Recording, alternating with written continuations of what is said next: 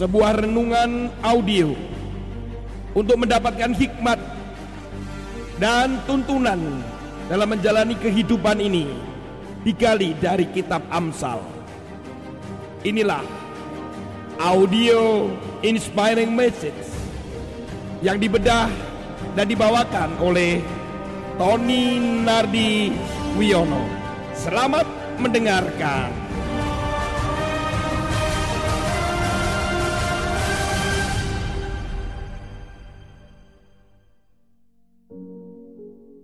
Shalom Bapak Ibu sekalian.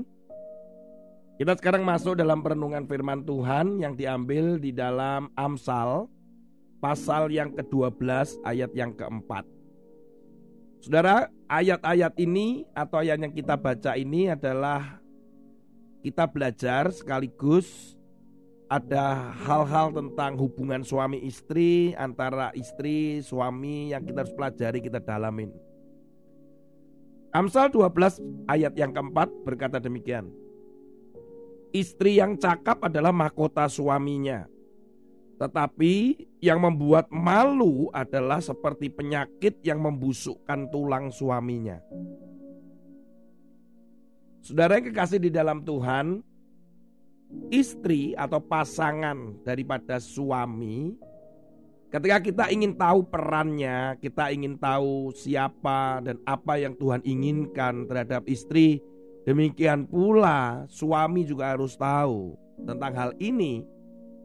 Maka kita harus mundur ke belakang pada saat penciptaan manusia itu. Bagaimana perempuan yang diambil dari tulang rusuk daripada Hawa atau laki-laki ada beberapa penafsir mengatakan bahwa hanya satu tulang rusuk yang diambil, tapi ada mengatakan sebenarnya itu adalah separuh daripada tulang rusuk daripada Adam. Saudara kekasih di dalam Tuhan, apa pun yang jelas ada bagian dari Adam yang ada pada Hawa. Saudara kekasih dalam Tuhan, kita akan buka kejadian pasal yang kedua ayat yang 18 Tuhan Allah berfirman tidak baik kalau manusia itu seorang diri saja Aku akan menjadikan penolong baginya yang sepadan dengan dia. Lalu Tuhan Allah membentuk dari tanah segala binatang, hutan, dan segala burung di udara. Dibawanya lah semuanya kepada manusia itu untuk melihat. Bagaimana ia menamainya dan seperti nama yang diberikan manusia itu kepada tiap-tiap makhluk yang hidup. Demikianlah nanti nama makhluk itu. Ayat 20. Manusia itu memberi nama kepada segala ternak, kepada burung-burung di udara, dan kepada segala binatang hutan. Tetapi baginya sendiri, ia tidak menjumpai penolong yang sepadan dengan dia. Saudara, mari kita belajar dengan kata-kata penolong. Kalau dalam Alkitab Perjanjian Baru juga ada hendaknya engkau adalah pasangan yang sepadan. Firman Tuhan dikatakan bahwa penolong itu di dalam bahasa aslinya itu adalah ezer. Ezer itu artinya penolong, juga ternyata ezer itu adalah punya dua arti selain penolong, yaitu kekuatan. Yang dipakai dalam bahasa Ibrani pada kejadian itu adalah Ezer. Nanti saya akan jelaskan lagi di belakangnya. Karena ada lanjutan dari Ezer itu. Jadi kita ngomong Ezer dulu bahwa Ezer itu adalah berbicara tentang penolong atau kekuatan. Dua arti itu juga bisa digabungkan yaitu kekuatan yang menolong. Begitu saudara ya. Jadi laki-laki itu tidak bisa sendiri, maka memerlukan seseorang yang memiliki kekuatan yang bisa menolong. Dan itu spesial sekali, itu istimewa. Jadi buat perempuan itu istimewa, buat seorang istri itu istimewa. Bahwa dia adalah penolong. Apalagi jika diketahui bahwa penolong yang bukan sekedar penolong. Karena pada bahasa aslinya itu bukan cukup ezer, tetapi juga namanya adalah ezer kenegdo. Ezer kenegdo. Ezer kenegdo ini juga dipakai oleh Salomo untuk menerangkan posisi istri yaitu di Amsal pasal 31 itu. Ezer kenegdo ini apa? Ternyata ezer kenegdo ini dipakai di dalam bahasa yang dipakai oleh orang-orang Yahudi itu untuk peperangan di dunia militer, saudara.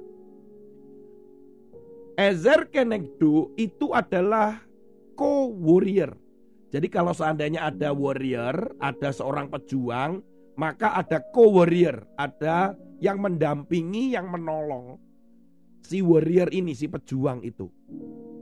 Ada pilot, ada co-pilot. Ya. Ada driver, ada co-driver. Saudara kalau ada apa? balap mobil gitu ya, itu ada co-drivernya. Pesawat ada co-pilotnya. Nah ternyata di dalam kehidupan kita sebagai manusia itu Seorang suami harus ada co-driver Co-drivernya siapa? Yaitu istrinya Bayangkan saudara bahwa warrior dan co-warrior Posisi ini adalah bukan posisi seperti atasan dan bawahan loh saudara Karena ini benar-benar menjadi mitra Co-pilot itu juga bisa mengendalikan mobil. Bisa mengendalikan pesawat maksud saya. Co-driver juga bisa, tetapi fungsinya pada saat mereka bersama-sama, mereka akan saling mendukung satu dengan yang lain. Yang perlu diketahui oleh kita sebagai suami istri, seorang co-warrior atau seorang uh, wakil atau seorang yang mendukung, yang menolong, seorang warrior dia bisa juga memberikan masukan, strategi, kemudian memberi kekuatan, menyemangati. Nanti saya akan jelaskan itu secara detail.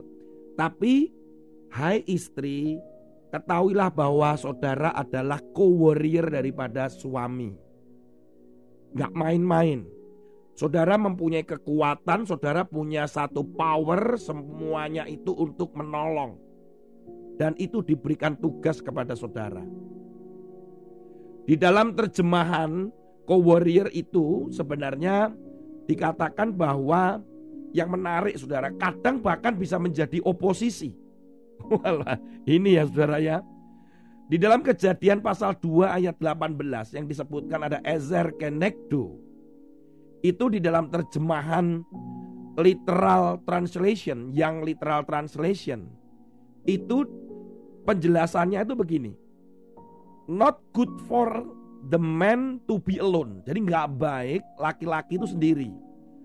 I do ini Allah ya. I do make to him an helper. Ini penolong, an helper as his counterpart. Bayangkan, counterpart.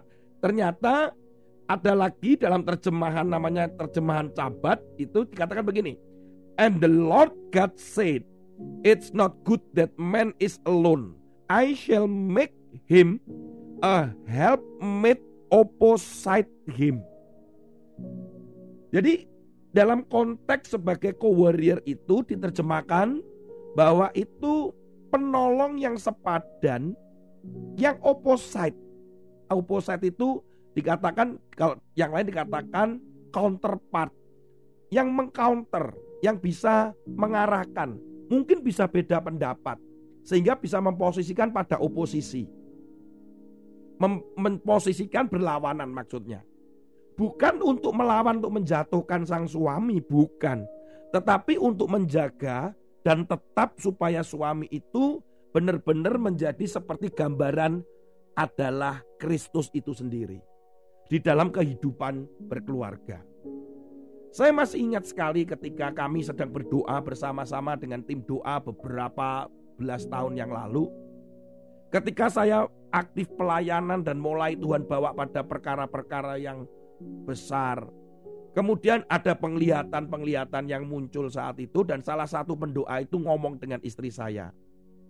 Jenny, kamu adalah kacamata kudanya Tony. Saya masih belum mengerti itu. Tetapi ketika firman ini dibukakan jadi mengerti.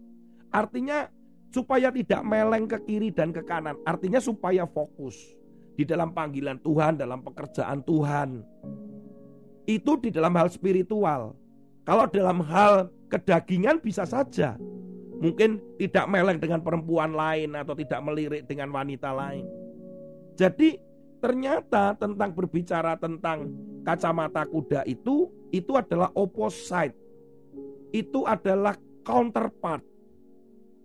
Yang mungkin bisa beda pendapat. Ketika saya melakukan ini, saya melakukan itu, istri saya berkata, oh enggak bisa. Rasanya kok begini. Nah, bisa saja beda pendapat. Tetapi bukan untuk saling menjatuhkan dan saling menyakiti. Hai istri, engkau punya kekuatan untuk menolong suamimu untuk tetap melihat ke arah Kristus dan melangkah seperti yang Kristus inginkan. Kalau toh itu harus berbeda pendapat dan itu cukup keras untuk menegur, menasehati, tetapi engkau punya kekuatan di situ.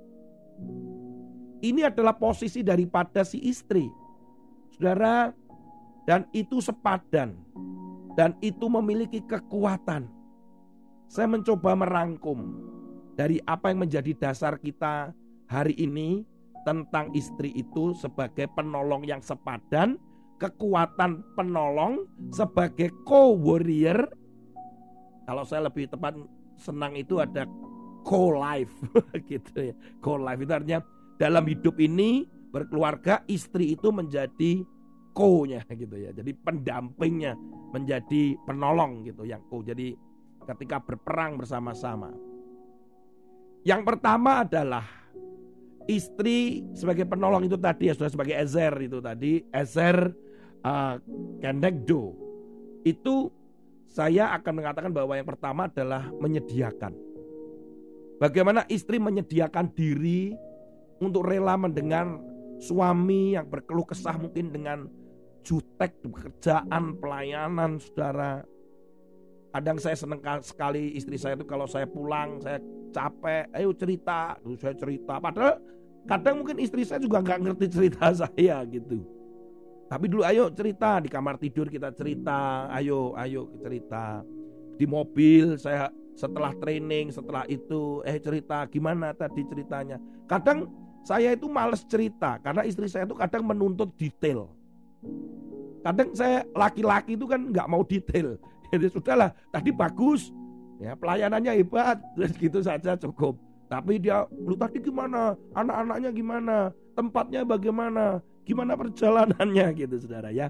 Dia mencoba menyediakan diri untuk mendengar semua itu. Setidaknya akan meredakan tekanan atau stres. Yang kedua adalah memenuhi. Selalu mengerti apa yang menjadi kebutuhan suami. Ya, ini ini luar biasa sekali, baik itu secara jasmani mungkin dan sebagainya. Tapi ini hal yang uh, harus dipenuhi oleh istri. Yang ketiga adalah melengkapi. Ketika suami sedang melakukan tugas, misalkan sedang melakukan tugas, dia memperlengkapi. Ketika dia, kamu harus sediain bajunya ya, kamu ini ya, ini dasinya, ini jasnya, begitu ya saudara ya. Ya tapi dia mencoba melengkapi suaminya itu supaya suaminya itu benar-benar uh, bisa lebih baik, begitu. Kemudian yang keempat adalah menyelamatkan. Jadi apabila ada sesuatu yang memang hal itu bisa ada lubang bagi suami di depannya ketika melangkah, istri harus segera menyelamatkan. Istri saya beberapa kali ketika ada orang mau konseling, orang sedang telepon, istri saya kemudian melihat handphone saya dan berkata, "Jangan, ini jangan. Ini sudah jam berapa kok ada uh, perempuan uh, telepon-telepon." Saya tidak sakit hati saudara karena saya sudah tahu sejak awal bahwa dia adalah seperti kacamata kuda yang beberapa belas tahun itu sudah disampaikan kepada kami berdua.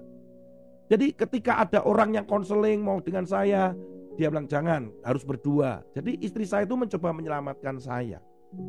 Jangan merasa bahwa, oh hamba Tuhan itu kuat, oh, penuh kuasa, urapan. Saudara, hati-hati. Jangan merasa diri kuat. Kita sudah ada penolong, yaitu istri kita masing-masing. Di mana dia punya kekuatan untuk menolong termasuk menyelamatkan kita dari hal-hal yang seperti itu. Kadang juga ketika investasi, ketika jangan pi, jangan dibeli, tunda dulu atau apa. Karena ada hal-hal tertentu yang bisa dia lakukan dan dia bisa menjadi pertimbangan yang penuh hikmat. Ketika saya suatu kali saya hutang atau saya saat itu ada kekurangan dana untuk melunasinya, istri saya itu tiba-tiba loh saudara, tiba-tiba dia bisa mentransfer uang kemudian melepaskan saya dari hutang itu. Saya tidak tahu karena setiap kali orang itu hubungi saya, saya seperti ketakutan. Istri saya nggak mau melihat saya ketakutan seperti itu. Dan dia akhirnya menyelamatkan saya dengan membayar itu dan saya ucapkan terima kasih begitu ya. Kemudian yang kelima yang terakhir yaitu memberi kekuatan. Karena istri-istri ini juga mempunyai kekuatan ilahi yang Tuhan berikan.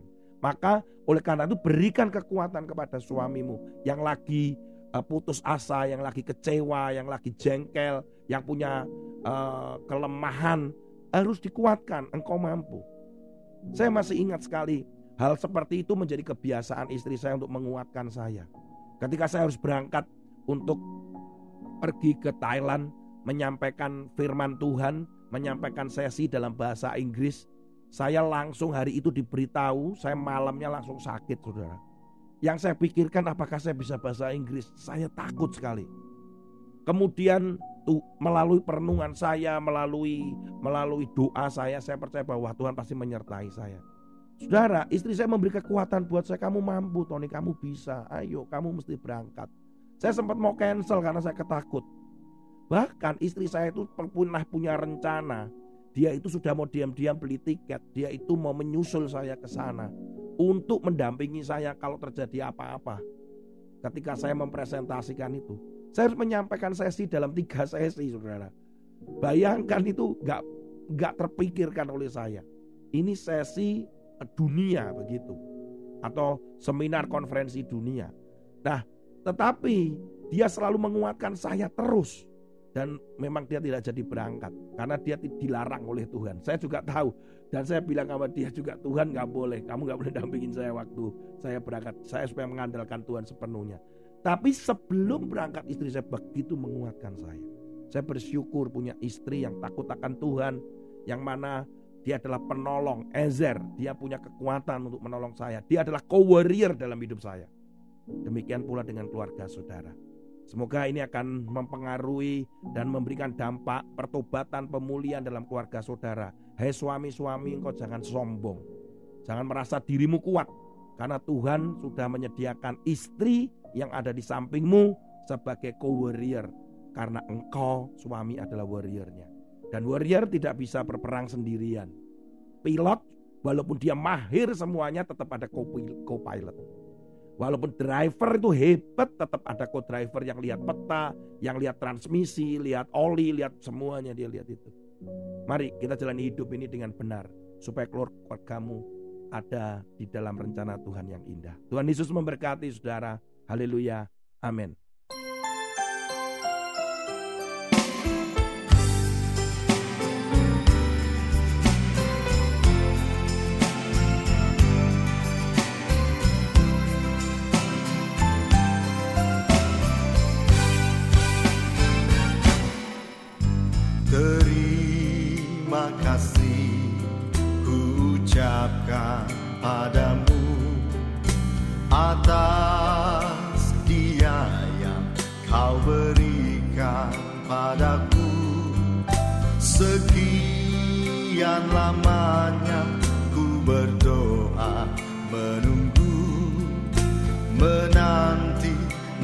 将进